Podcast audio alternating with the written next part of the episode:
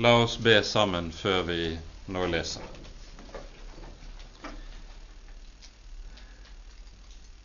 Kjære gode Gud og hellige Far. Så takker og lover vi deg for all din godhet imot oss. Takk, Herre, at du er en Gud som har bøyet deg til oss og gitt din egen sønn i vårt sted og for vår skyld, for at vi skulle bli frelst. Takk, Hellige Gud, at du har åpenbart ham for oss gjennom dine ord, og at vi skal få lov til å lære deg å kjenne gjennom det samme ord. Takk, Herre, at du samler oss om ordet ditt, at du vil dra oss inn i ditt eget samfunn.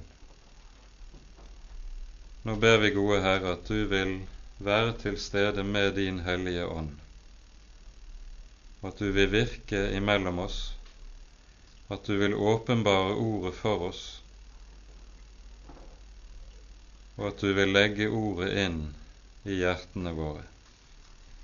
Herre, forbarm deg over oss for Jesus skyld. Amen.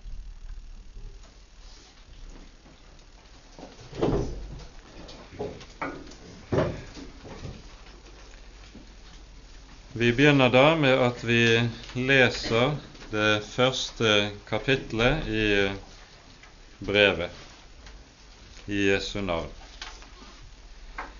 Det som var fra begynnelsen, det som vi har hørt, det som vi har sett med våre øyne, det som vi skuet og våre hender følte på, om livets ord.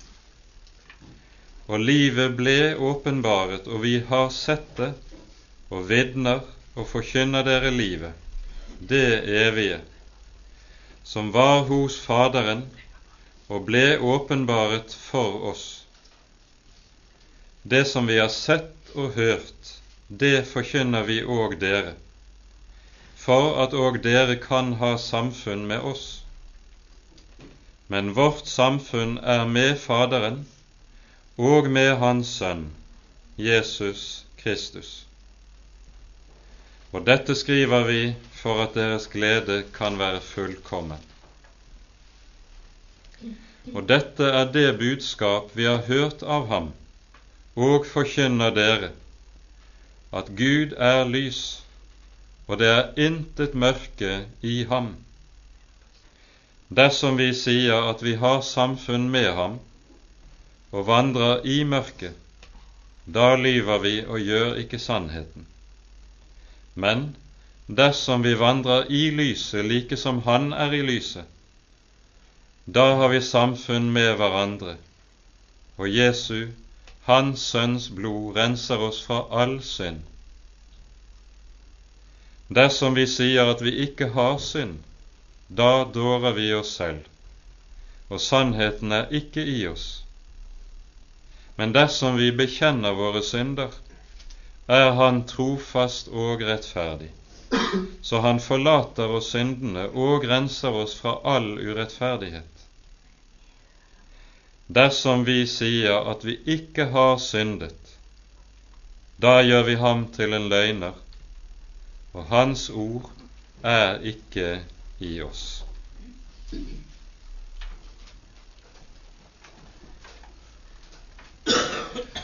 Når vi leser første Johannes brev, så vil det meget fort være klart at her er det den samme røsten som taler, og som vi hører også i Johannes evangelium. Det er slik at Johannes brev ligger så tett på Johannes evangelium både i språkføring og i tankeføring og i budskap at det er helt åpenbart at det er samme apostelen som har avfattet dem begge. Og Det er da også slik at vi til og med kan høre hos enkelte av kirkefedrene at de kan si at første Johannesbrev ble vedlagt Johannes evangelium som et følgeskriv da Johannesevangeliet var ferdig avfattet. Hvordan dette nå enn er og forholder seg, det vet vi jo ingenting om men det er i hvert fall en samstemmig tradisjon fra oldkirken av at det er apostelen Johannes som står bak brevet. Til forskjell fra Paulus sine brev, der det jo er slik at Paulus alltid presenterer seg selv. Brevene hans har den klassiske formen som man finner i antikkens brever, så er det ikke slik i Johannesbrevet at vi hører forfatteren presentere seg selv. Likevel, fingeravtrykket hans er så tydelig og så klart, det kan ikke være noen annen enn apostelen Johannes som står bak. Og Dette brevet som vi her har for oss, det hører med til den gruppen av brev i Det nye testamentet som gjerne kalles for de katolske brev. Det betyr de allmenne brevene. Og med det mener man eh, brev som ikke har noen særlig menighet som adressat. De fleste av Paulus sine brever er jo adressert til ulike menigheter, men her hører vi ikke noen bestemt adressat. Akkurat som det heller ikke er det i Petersbrevene. De er mer sendt ut til en gruppe av menigheter allment. Og Derfor kalles de altså for de katolske brev, for ordet katolsk betyr jo rett og slett allmenn. Noe av det som er eh, bakgrunnen for dette brevet, det ser vi nokså raskt når vi eh, dukker ned i det. Det er at vi på denne tid som eh, Johannes virket, så er den første eh, gnostisisme den gnostiske vranglæren kommet til syne innenfor de kristne menigheter. Og Derfor hører vi at apostelen i brevet meget klart tar opp og konfronterer den vranglæren som kaltes for gnostisismen, og som kom til å være en stadig fare for den kristne kirke gjennom flere hundre år i oldtiden. Det var jo slik i de tre første århundrene i den kristne kirkes liv at da sto den kristne kirke overfor to dødelige farer. Den ene faren kom utenfra og var representert ved keisermakten, som periodevis forfulgte den kristne kirke på livet løs. Det kostet å høre Jesus til i de første tre århundrene. Men det var en annen fare som var minst like farlig for den kristne kirke, og det var den fare som kom innenfra, nemlig fra vranglære innenfor den kristne menighets egne rekker. Og det er dette apostelen taler om, det er dette han adresserer i sitt første brev. Og selv om det er slik at apostelen Johannes jo bærer tilnavnet kjærlighetens apostel. Han er den som sterkest kanskje og klarest maler Guds kjærlighet for oss i Kristus, så er han samtidig kanskje også den apostel som aller klarest og aller skarpest tar for seg og angriper vranglæren innenfor den kristne menighet. Etter tradisjonen så var det slik at apostelen Johannes jo var den eneste av de tolv som ikke led martyrdøden. Og de siste antagelig 10-15 årene av sin levetid tilbrakte han i byen Efesos, der man, det ser vi jo allerede i Det nye testamentet, har en av de viktigste, en av de mest betydningsfulle menighetene innenfor den eldste kristne kirke. Her hadde han sitt virke, det er antagelig her i Efesos han både skriver evangeliet som bærer hans navn, og det er antagelig også her Johannes brevene er skrevet fra.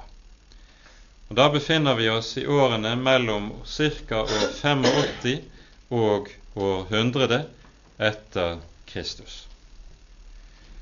Med dette har vi plassert Johannes og brevet så mye som det i det hele tatt er mulig, for alle sånne konkrete detaljer som biografer og historikere er ute etter, det er slikt som ligger i historiens mørke, og som vi vet lite om.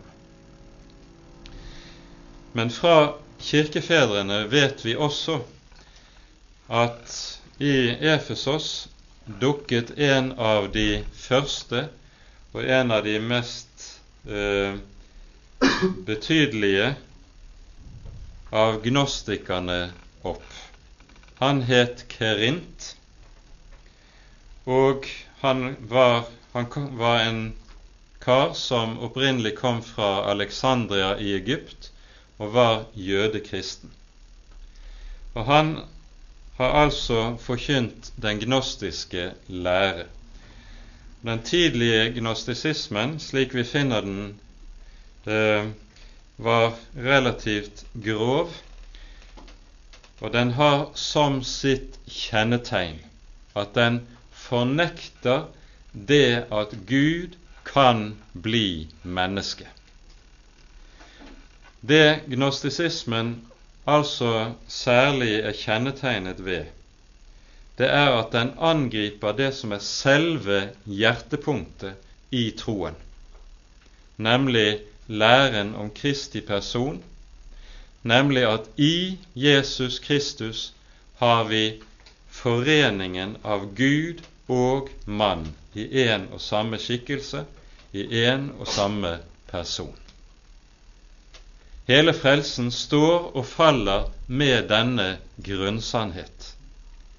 Og det er nettopp denne grunnsannhet som altså gnostisismen fornekter.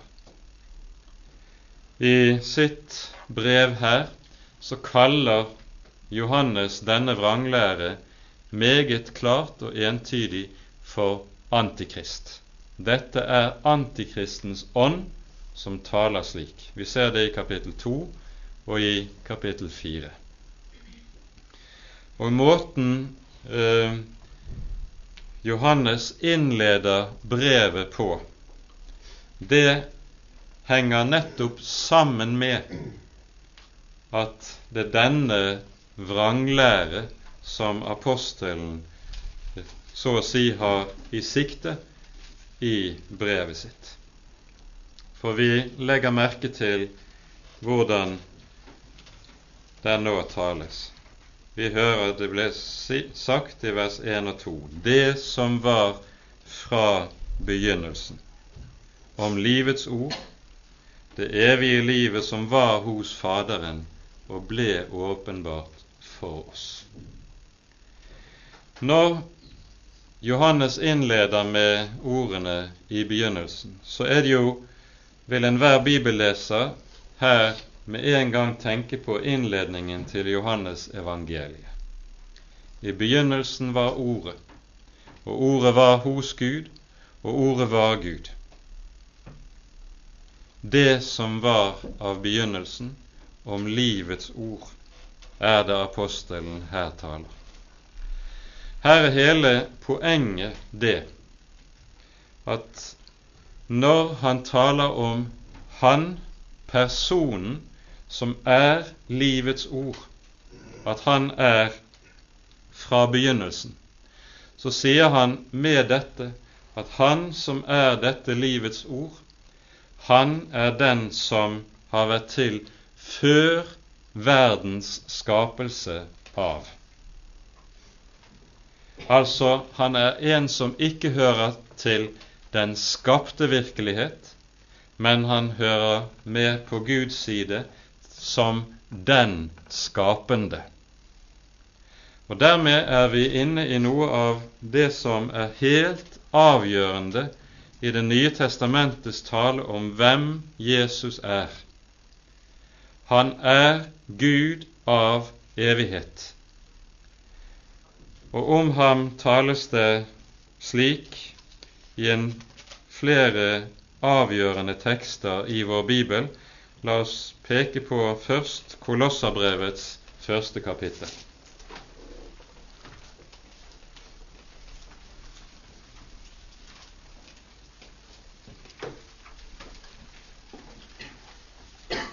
Her står det slik, vi leser vers 16 og vers 17.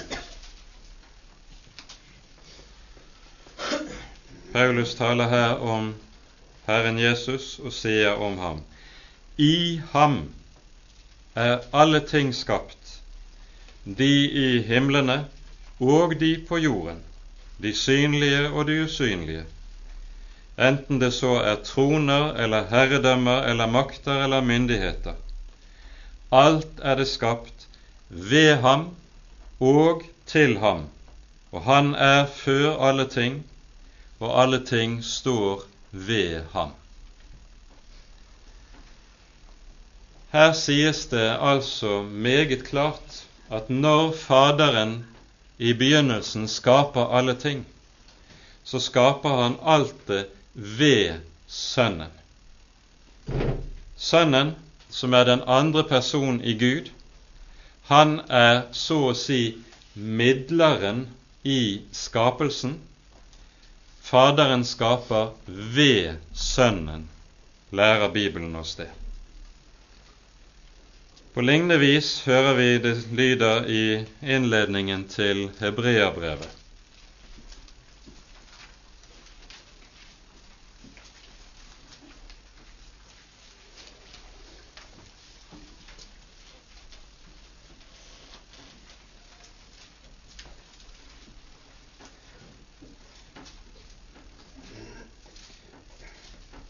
Her står det slik.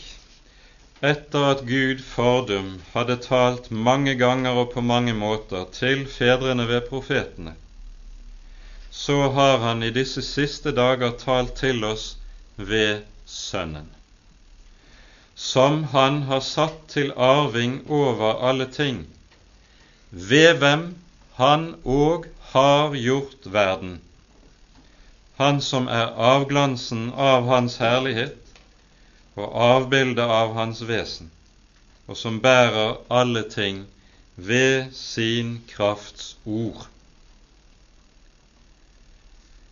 Vi hører her altså hvorledes både Hebreabrevet, apostelen Paulus, like som innledningen til Johannesevangeliet, alle steder understreker denne grunnsannhet.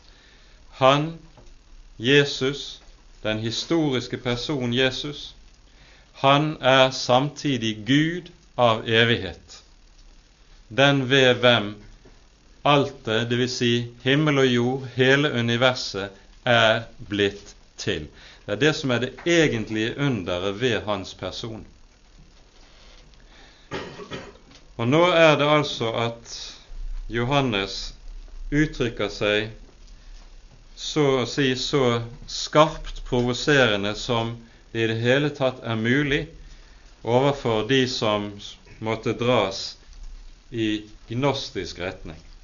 For han sier om denne som er av begynnelsen, som er Gud, som er skaperen av evighet, det sies om ham han er den vi har hørt, som vi har sett med våre øyne, som vi skuet, som våre hender følte på. Og her brukes, når det taler om det sies 'våre hender følte på', så bruker grunnteksten her samme verbet som vi møter i Lukasevangeliets 24. kapittel, der Jesus etter oppstandelsen viser disiplene sine naglemerkte hender og sier, 'Kom og stikk fingrene i mine hender om dere er i tvil', sånn at dere kan kjenne at her er det et virkelig legeme, det er ikke en ånd dere står overfor. Det apostelen altså sier, er at denne Gud, som er altets opphav, han er samtidig en som har trådt inn i vår verden som et menneske i kjøtt og blod, så man kunne se ham, høre ham, ta på ham, som du kunne gjøre med et hvilket som helst annet menneske. Det er altså slik at Gud av evighet, når Han åpenbarer seg, så åpenbarer Han seg ikke i kraft av syner eller visjoner eller den slags drømmer som de overåndelige gnostikerne ønsket seg det men han åpenbarer seg helt konkret i kjøtt og blod, slik at når en rørte ved mannen Jesus av Nasaret, så kunne en si fullt og klart og helt 'Jeg har rørt ved Gud'. Nettopp dette er det som var anstøtelig for gnostikerne. For gnostikerne mente de opererte med et skille mellom den fysiske virkelighet og den åndelige verden som var over denne. Og Tanken om dette skillet var at den fysiske eller den materielle verden den ble betraktet som ond, mens det var den åndelige verden som var det egentlige gode. Og Frelsen bestod da for gnostikerne i å kunne utfris fra den materielle verden og så å si komme over i det åndelige, i den åndelige sfære. Materien, det legemlige, kroppen vår, ble med det sett på som et fengsel som mennesket måtte fris fra. Og all den tid materien var noe som var ond, så ville det jo være noe som var absolutt umulig for Gud som var evig og ånd, å kunne tre inn i verden og bli legeme, og bli legemlig. Det er altså slik at gnostikerne opererer med et forutsetningsgrunnlag, det man kaller for en metafysikk, som ikke kan tillate at Gud blir menneske av kjøtt og blod. Og så får du anstøtet mot det som er det bibelske vitnesbyrdet, og så får du en etterfølgende kamp i møte med dette anstøt som kommer til å vare i flere hundre år i oldkirkens historie. Og utgangen på denne kamp, som rett og slett handler om dette grunnleggende hvem er personen Jesus? Utgangen på denne kampen det er det vi har i de oldkirkelige trosbekjennelsene.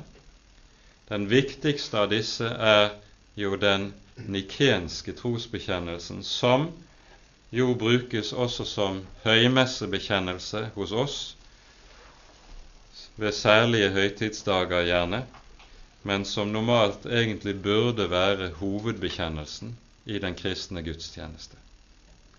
Og her, i denne bekjennelsen, så bekjenner man troen nettopp på Gud menneske.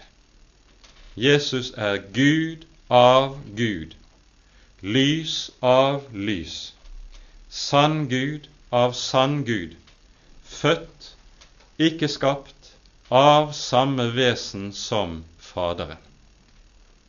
Første gang en hører denne bekjennelsen, så tenker man gjerne umiddelbart er det nødvendig å dynge opp slik med sånne satser.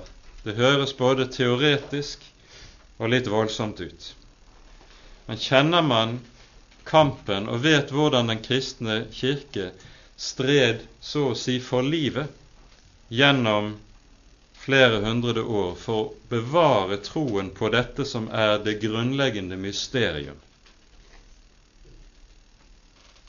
så ser man at hele denne bekjennelsen er laget med tanke på én hovedsak, nettopp å bevare det bibelske vitnesbyrdet om hvem Jesus er, uantastet. Og bevare det i hele sin tilsynelatende selvmotsigende uttrykk. For dette er, og det skal vi være klar over, det er jo det store mysteriet.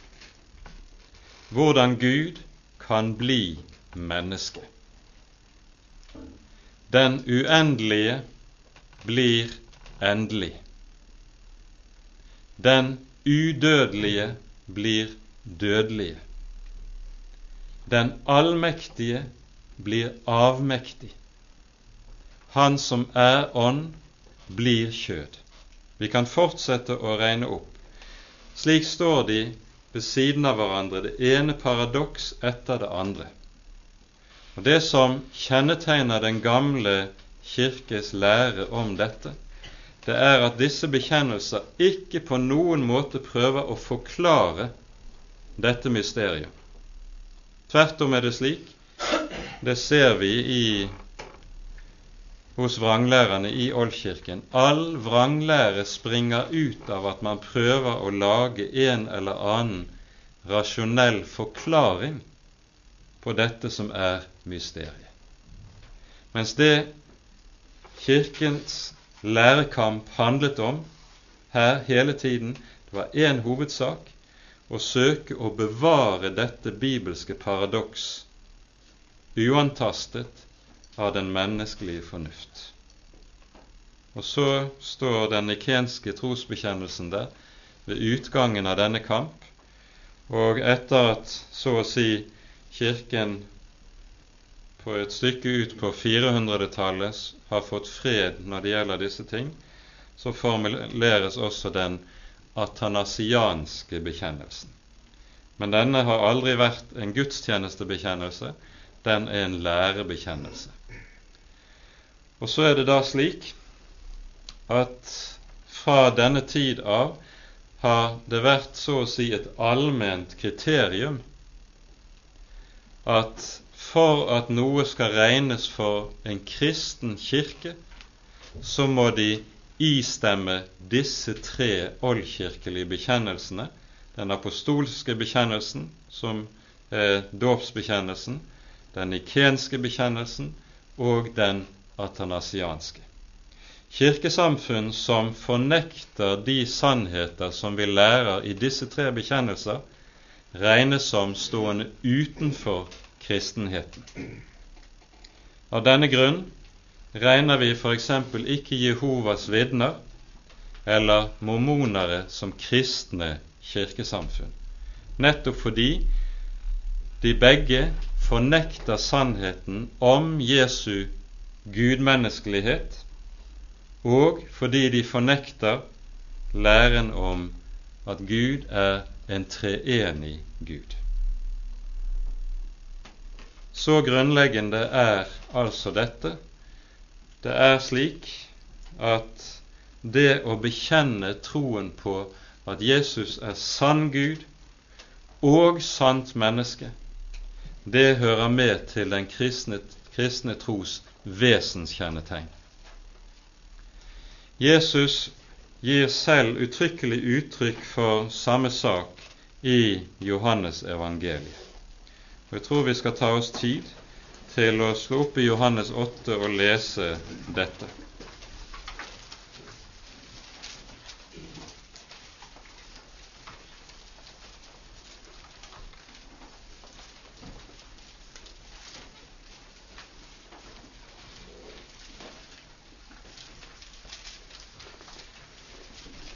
I vers 23 og 24 i Johannes 8 sier Jesus slik.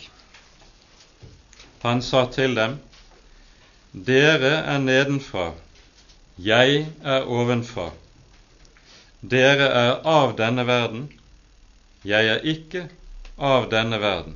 Derfor sa jeg til dere, dere skal dø i deres synder, for tror dere ikke at jeg er den jeg er? Da skal dere dø i deres synder. Hva er det Jesus sier her? Tror dere ikke at jeg er den jeg er? Så er det jo slik at denne satsen 'Jeg er den jeg er', det er Guds eget navn. Det er navn som kunngjøres for Moses ved tornebusken, slik vi leser det i 2. Moseboks tredje kapittel. Jesus sier altså om seg selv at han er Herren, Israels Gud, den Gud som åpenbarte seg for Moses, for Israel, i den gamle pakts tid. Og så sier Jesus her altså at dersom man fornekter denne grunnsannhet, da taper man også det evige liv. Dersom dere ikke tror at jeg er den jeg er, da skal dere dø i deres synder, sier Jesus. Derfor skjønner vi også det hører med som et nødvendig vilkår til frelse å tro denne grunnsannhet at Jesus er Gud og mann i samme person. Derfor er det altså slik at til kristen tro hører også en grunnleggende kunnskap, en grunnleggende erkjennelse om personen Jesus, hvem Jesus er. Dette er kanskje et langt innskudd i forhold til det vi her er inne på i de første versene i Johannesbrevet. Men det er nødvendig for at vi skal forstå den problematikken som apostelen Johannes nå går inn i, og som han taler om. Han sier altså livets ord, det som er av begynnelsen. Det har vi sett, vi har hørt det, vi har berørt det. Det er altså noe som har vært gjenstand for deres ganske normale hverdagslige sanser. Når Gud åpenbarte seg, så skjedde ikke det i en overåndelig sfære et eller annet sted i luftige visjoner eller drømmer.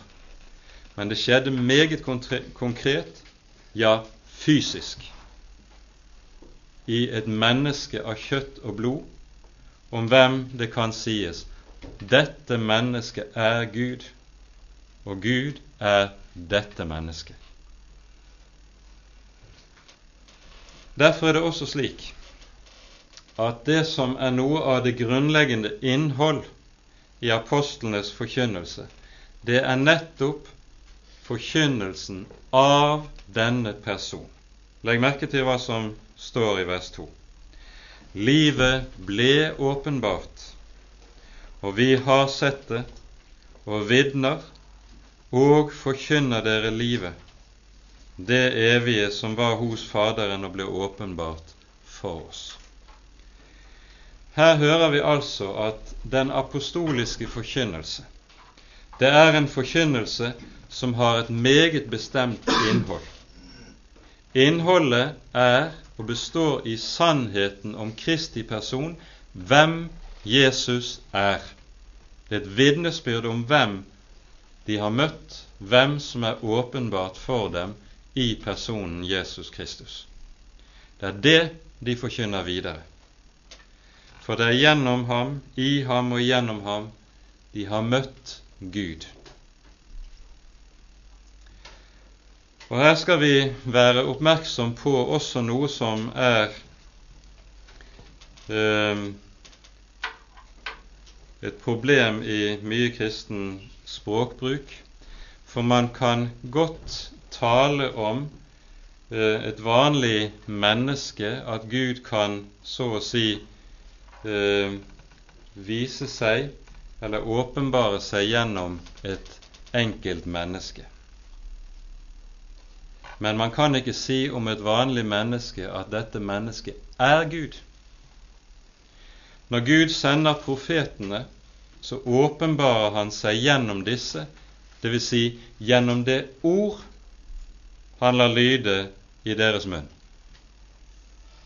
Men du kan ikke si om profetene at de er Gud. Men det kan du si, og det må du si om personen Jesus. Og når apostelen her altså sier at livet ble åpenbart, så sier de at Gud har trådt inn i verden i kjøtt og blod i personen Jesus av Nasaret. En bestemt person på et bestemt sted og til en bestemt tid i historien. Der har Gud vært i vår verden. Det er jo dette som er hovedinnholdet i juleevangeliet. Tenk på hva engelen sier til hyrdene på marken. Dere er i dag en frelser født, som er Kristus, Herren, i Davids stad. Når barnet kalles for Herren, så kalles jo barnet nettopp med Det gamle testamentets Guds navn. Engelen sier til hyrdene på marken at der i krybben vil de finne den Gud som åpenbarte seg for folket gjennom hele Den gamle testamentets frelseshistorie. Barnet Jesus er Herren, Israels hellige. Det er budskapet i juleevangeliet. Og da er jo saken den at det er fordi Jesus er den han er, at hans gjerning og hans ord har frelsende betydning. Er han blott og bart et menneske, så har, kan det kanskje ha sin betydning, men det har ikke frelsende betydning. Og det er det det handler om. Frelsen står og faller med at Jesus er den han er. Det er altså slik at den apostoliske forkynnelse det er et budskap om Jesu person. Det er budskap om denne hemmelighet som Gud har gitt oss i personen Jesus Kristus. Og så hører vi nå i vers 3. Det vi har sett og hørt, det forkynner vi òg dere, for at òg dere kan ha samfunn med oss. Og Legg merke til dette 'for at'. Det er nemlig slik at det budskap som apostlene forkynner, det har det med seg at der det lyder, så dras de som hører det, tar det til hjertet, de dras inn i samfunn med, i fellesskap med apostlene. Derfor har en fra gammel, dag, gammel tid av sagt at all sann kristen tro, den er apostolisk. Å være kristen, å være kristen kirke, det er å tro som apostlene gjør, og som gjorde det. Vi dras inn i fellesskap med dem, og så hører vi hva det er som særkjenner dette fellesskap.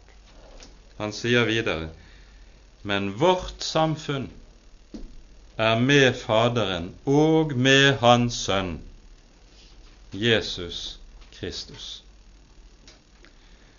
Legg merke til dette uttrykket.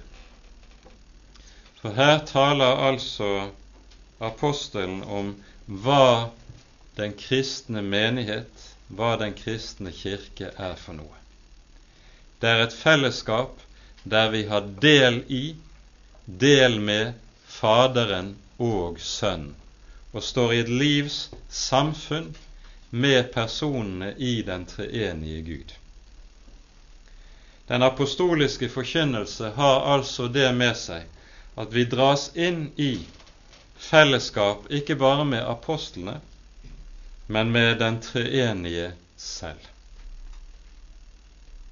Og så skjønner vi at dette budskap som den apostoliske forkynnelse da består i og av, det er et budskap som har en ganske bestemt virkekraft.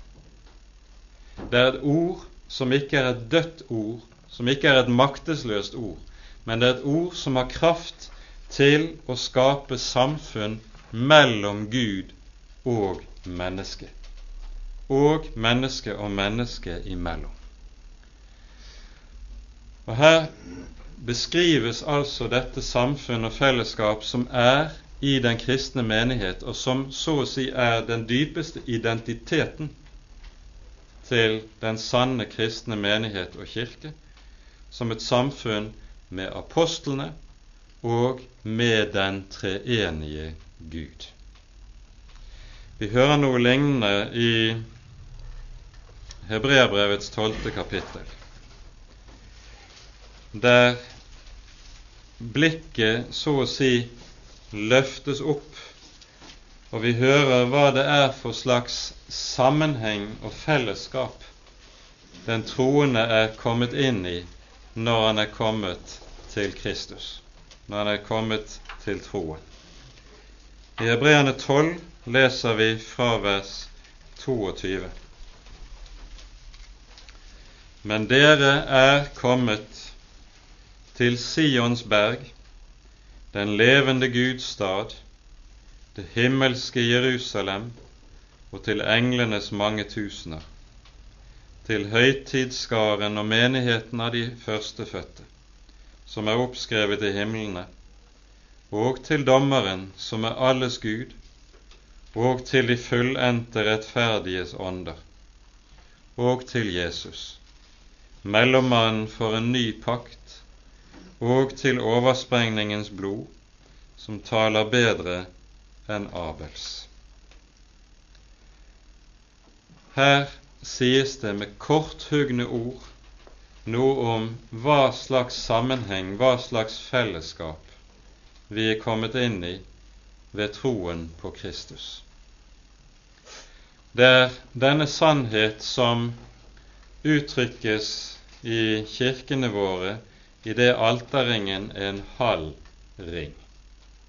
Den andre halvdelen, som utgjør så den andre halvdelen av en sirkel, er likesom usynlig, for å minne oss om dette, at det kristne fellesskap, det er ikke bare det at vi har et synlig fellesskap oss imellom som tror på Kristus, men vi er rykket inn i en sammenheng som er langt, langt større og dypere enn det vi ser med våre ytre øyne.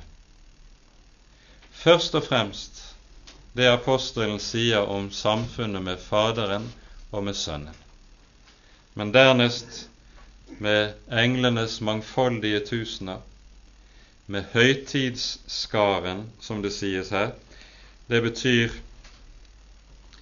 den skare av frelste som har nådd målet hjemme hos Gud.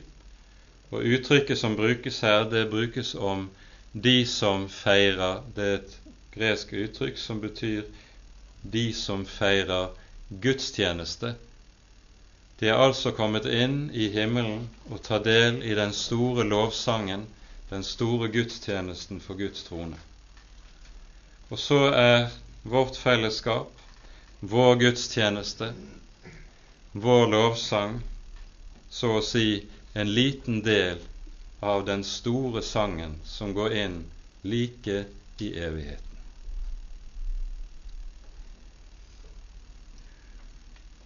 Jesus taler om dette samfunn også i Johannes evangeliet i flere sammenhenger. Vi skal her ganske kort bare peke på det som sies i det 17. kapittel i Jesu øverste prestelige bønn.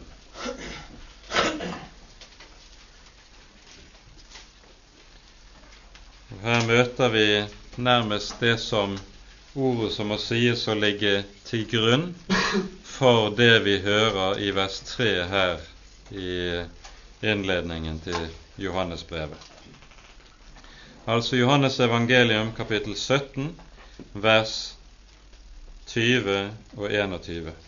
Jeg ber ikke for disse alene, altså ikke bare for de tolv som er til stede ved det siste måltidet, men også for dem som ved deres ord kommer til å tro på meg, at de alle må være ett like som du, Fader, i meg og jeg i deg. At også de må være ett i oss, for at verden skal tro at du har utsendt meg. Her hører vi altså at det som skaper enheten de troende imellom, det er den apostoliske forkynnelsen. Og Her kan vi godt understreke det som er en hovedsannhet i Guds ord. Det er ikke kjærligheten som skaper enhet de troende imellom, men det er sannheten som skaper enheten. Kjærligheten er en frukt av et levende samfunn og en levende tro på Kristus. Men sannheten, dvs. Si Guds ord, det er troens og fellesskapets grunn, ikke frukten. Det er alltid slik at det er sannheten som skaper enhet i Guds menighet, i den kristne kirke. Det er ikke kjærligheten. Kjærligheten kommer som frukt og som følge derefter, og tjener til å utdype og styrke den enhet som allerede er gitt ved troen på sannheten.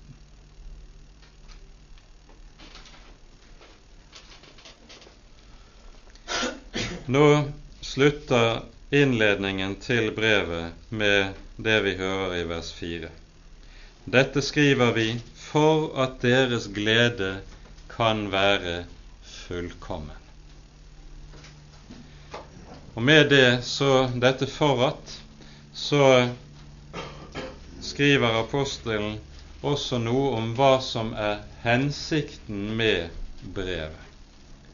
Det er at menighetene, de troende som fellesskap, skal komme inn i denne glede, som her kalles den fullkomne glede. Og vi skal legge merke til at her er vi inne på noe som er igjen en grunntone i Skriften. Når engelen kom til hyrdene på Betlehemsmarken, så innleder engelen sin tale til hyrdene med følgende ord.: Frykt ikke. Se, jeg kommer til dere med budskap om en stor glede som er for alt folket. Når det her er tale om en stor glede, så forklares det så å si i den påfølgende setningen hva som menes med dette. Det er nemlig en glede som er for alt folket. Og dette er en glede som skiller seg fra all den slags glede som vi ellers kjenner her i verden. Det er gleder som er for de som har mye penger, men som de som har lite penger, ikke har del Det er glede for de som liker det ene, men ikke liker det andre. Det er slik at det er noen gleder som alt alle gleder som vi kjenner her fra verden, de er partielle, de gjelder bare for enkelte. Men når den her kalles stor, så er den for alt folket. Det er en glede som også er for de som er i det dypeste mørket. Det er en glede for de som lider nød. Det er en glede for de som er i den dypeste trengsel og opplever den største nød og vanske. Også for dem.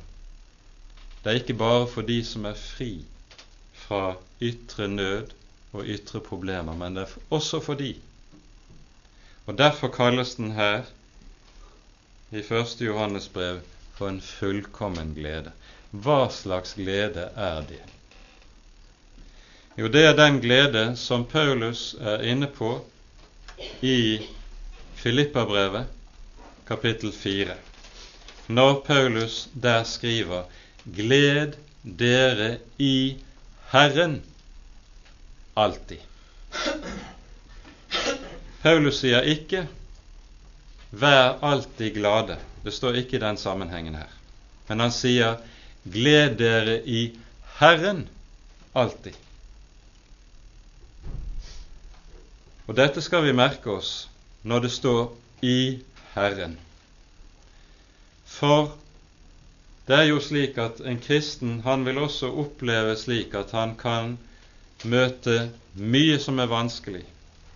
Det er mye som kan volde ham både nød og sorg i livet. Og ikke minst er det så mye i en kristen sitt eget hjerte som kan volde ham stor sorg, ja, stor engstelse også. Og hvordan kan en kristen da være glad? Men Paulus taler ikke om å være glad i seg selv. Han taler ikke om å være glad over det ene og det andre, glad for at du slipper ditt eller slipper datt i livet. Men han taler om gled deg i Herren. Det er nemlig slik at du kan ha mange slags problemer. Men stiller du spørsmålet har du da ikke noe å glede deg over i Jesus, så vil enhver kristen kunne si jo, i Jesus har jeg noe å glede meg over. I ham har jeg syndenes forlatelse. Det står fast, om det enn er mye som er vondt. I ham har jeg et fast håp. Det står der om det er mye som er mørkt. I ham har jeg en far i himmelen som vet om min sak og tar seg av meg. Om jeg ikke ser noen vei eller ikke vet råd i det jeg står oppe i. I Jesus har jeg det jeg kan glede meg over, om det enn er meget her i livet som er vått. Det som den fullkomne glede handler om, det er altså noe som henger sammen med at en kristens blikk festes på Jesu person i stedet for å festes på seg selv, sitt eget hjerte, eller festes på alt det som kan forvirre og volde vansker. I Jesu person, i Jesu person, har vi det som står, og derfor kan kalles for den fullkomne glede. Dette skriver jeg til dere for at deres glede kan være fullkommen. Nå ser jeg at tiden er gått såpass lang at vi rekker ikke å gå gjennom resten av kapittelet, men vi skal ganske kort, bare foregripende, si litt av det til det som står i vers 5. For det utgjør nå inngangen til det som er det følgende hovedavsnitt i brevet. Dette er det budskap vi har hørt av ham, og forkynner for dere at Gud er lys, og det er intet mørke i ham. Under verset står det også en henvisning til 1. Timotius brev 6, der vi leser Gud bor i et lys, dit intet menneske kan komme eller nå. Den evige herlighetens lys. Det som det her er tale om når det sies Gud er lys, og der er intet mørke i ham, det er et ord som taler om hvorledes Gud i sin hellighet er en Gud som er absolutt adskilt fra alt som ondt er, alt som urent er, alt som syndig er. Slikt er noe som er vesens fremmed for Gud. Det finnes ikke i Guds vesen. Og Når apostelen skriver dette her, så er det med tanke på to ting. For det første er det jo slik at det vet man når man kjenner til antikkens guder, enten det er Sefs eller Jupiter eller Venus eller hvem det nå er for noe av de gamle gudene, så var det jo slik med disse at disse hadde både lys og mørke i seg. Disse gudene var både gode og onde. De var, Man så på dem like som de var bare forstørrede utgaver av det vi mennesker er. De kunne være like mye slaver av sine drifter som menneskene kan være det. I antikkens guder var det både lys og mørke. Bibelens Gud skiller seg altså avgjort og absolutt fra alt slikt. Det er intet mørke i ham. Når det er ondt i verden, så er derfor det noe som ikke har sitt opphav i Gud, men fra en annen makt enn Gud. Dette kommer vi tilbake til. For det andre Årsaken til at apostelen nå innleder avsnittet med dette, det er at han nå vil peke på at det som gjelder vår Gud, det skal også gjelde i de kristnes liv. Å være en kristen, det skal være å vandre i lyset, ikke å vandre i mørket. Derfor lever en kristen ikke i lovløshet i denne forstand. Vi skal komme tilbake til dette. Og Bakgrunnen for at apostelen tar opp dette, det henger nok også sammen med den gnostiske vranglæren. Det vi nemlig ser innenfor gnostisismen, det er ett av to. Enten en fullstendig likegyldighet med de etiske spørsmål. Hvordan et menneske skulle leve, det var underordnet. Det avgjørende var bare at man hadde den erkjennelse som gnostisismen til, eh, tilbød. Eller innen enkelte mindre gnostiske grupperinger så lærte man sågar at fordi man har dette skillet mellom legemlig og åndelig, og gnostikerne mente at de var åndelige som levde kun i den åndelige verden. Derfor var det helt likegyldig hva som skjedde med legemet. Derfor kunne de tillate seg selv å leve i all slags utskeielser, for det var jo bare noe som gjaldt legeme, som ånden prinsipielt likevel var fri fra. Mot dette så peker apostelen nå på Gud er lys, det er intet mørke i ham. Det å høre ham til er derfor uløselig bundet sammen med det å vandre i lyset. Hva det innebærer, rekker vi altså ikke komme nærmere inn på i dag. Det får bli til neste gang men vi har gitt en pekepinn for hvordan apostelen nå taler videre.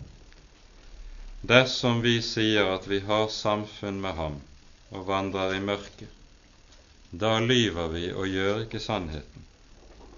Men dersom vi vandrer i lyset, like som Han er i lyset, da har vi samfunn med hverandre, og Jesu, Hans Sønns blod, renser oss fra all synd.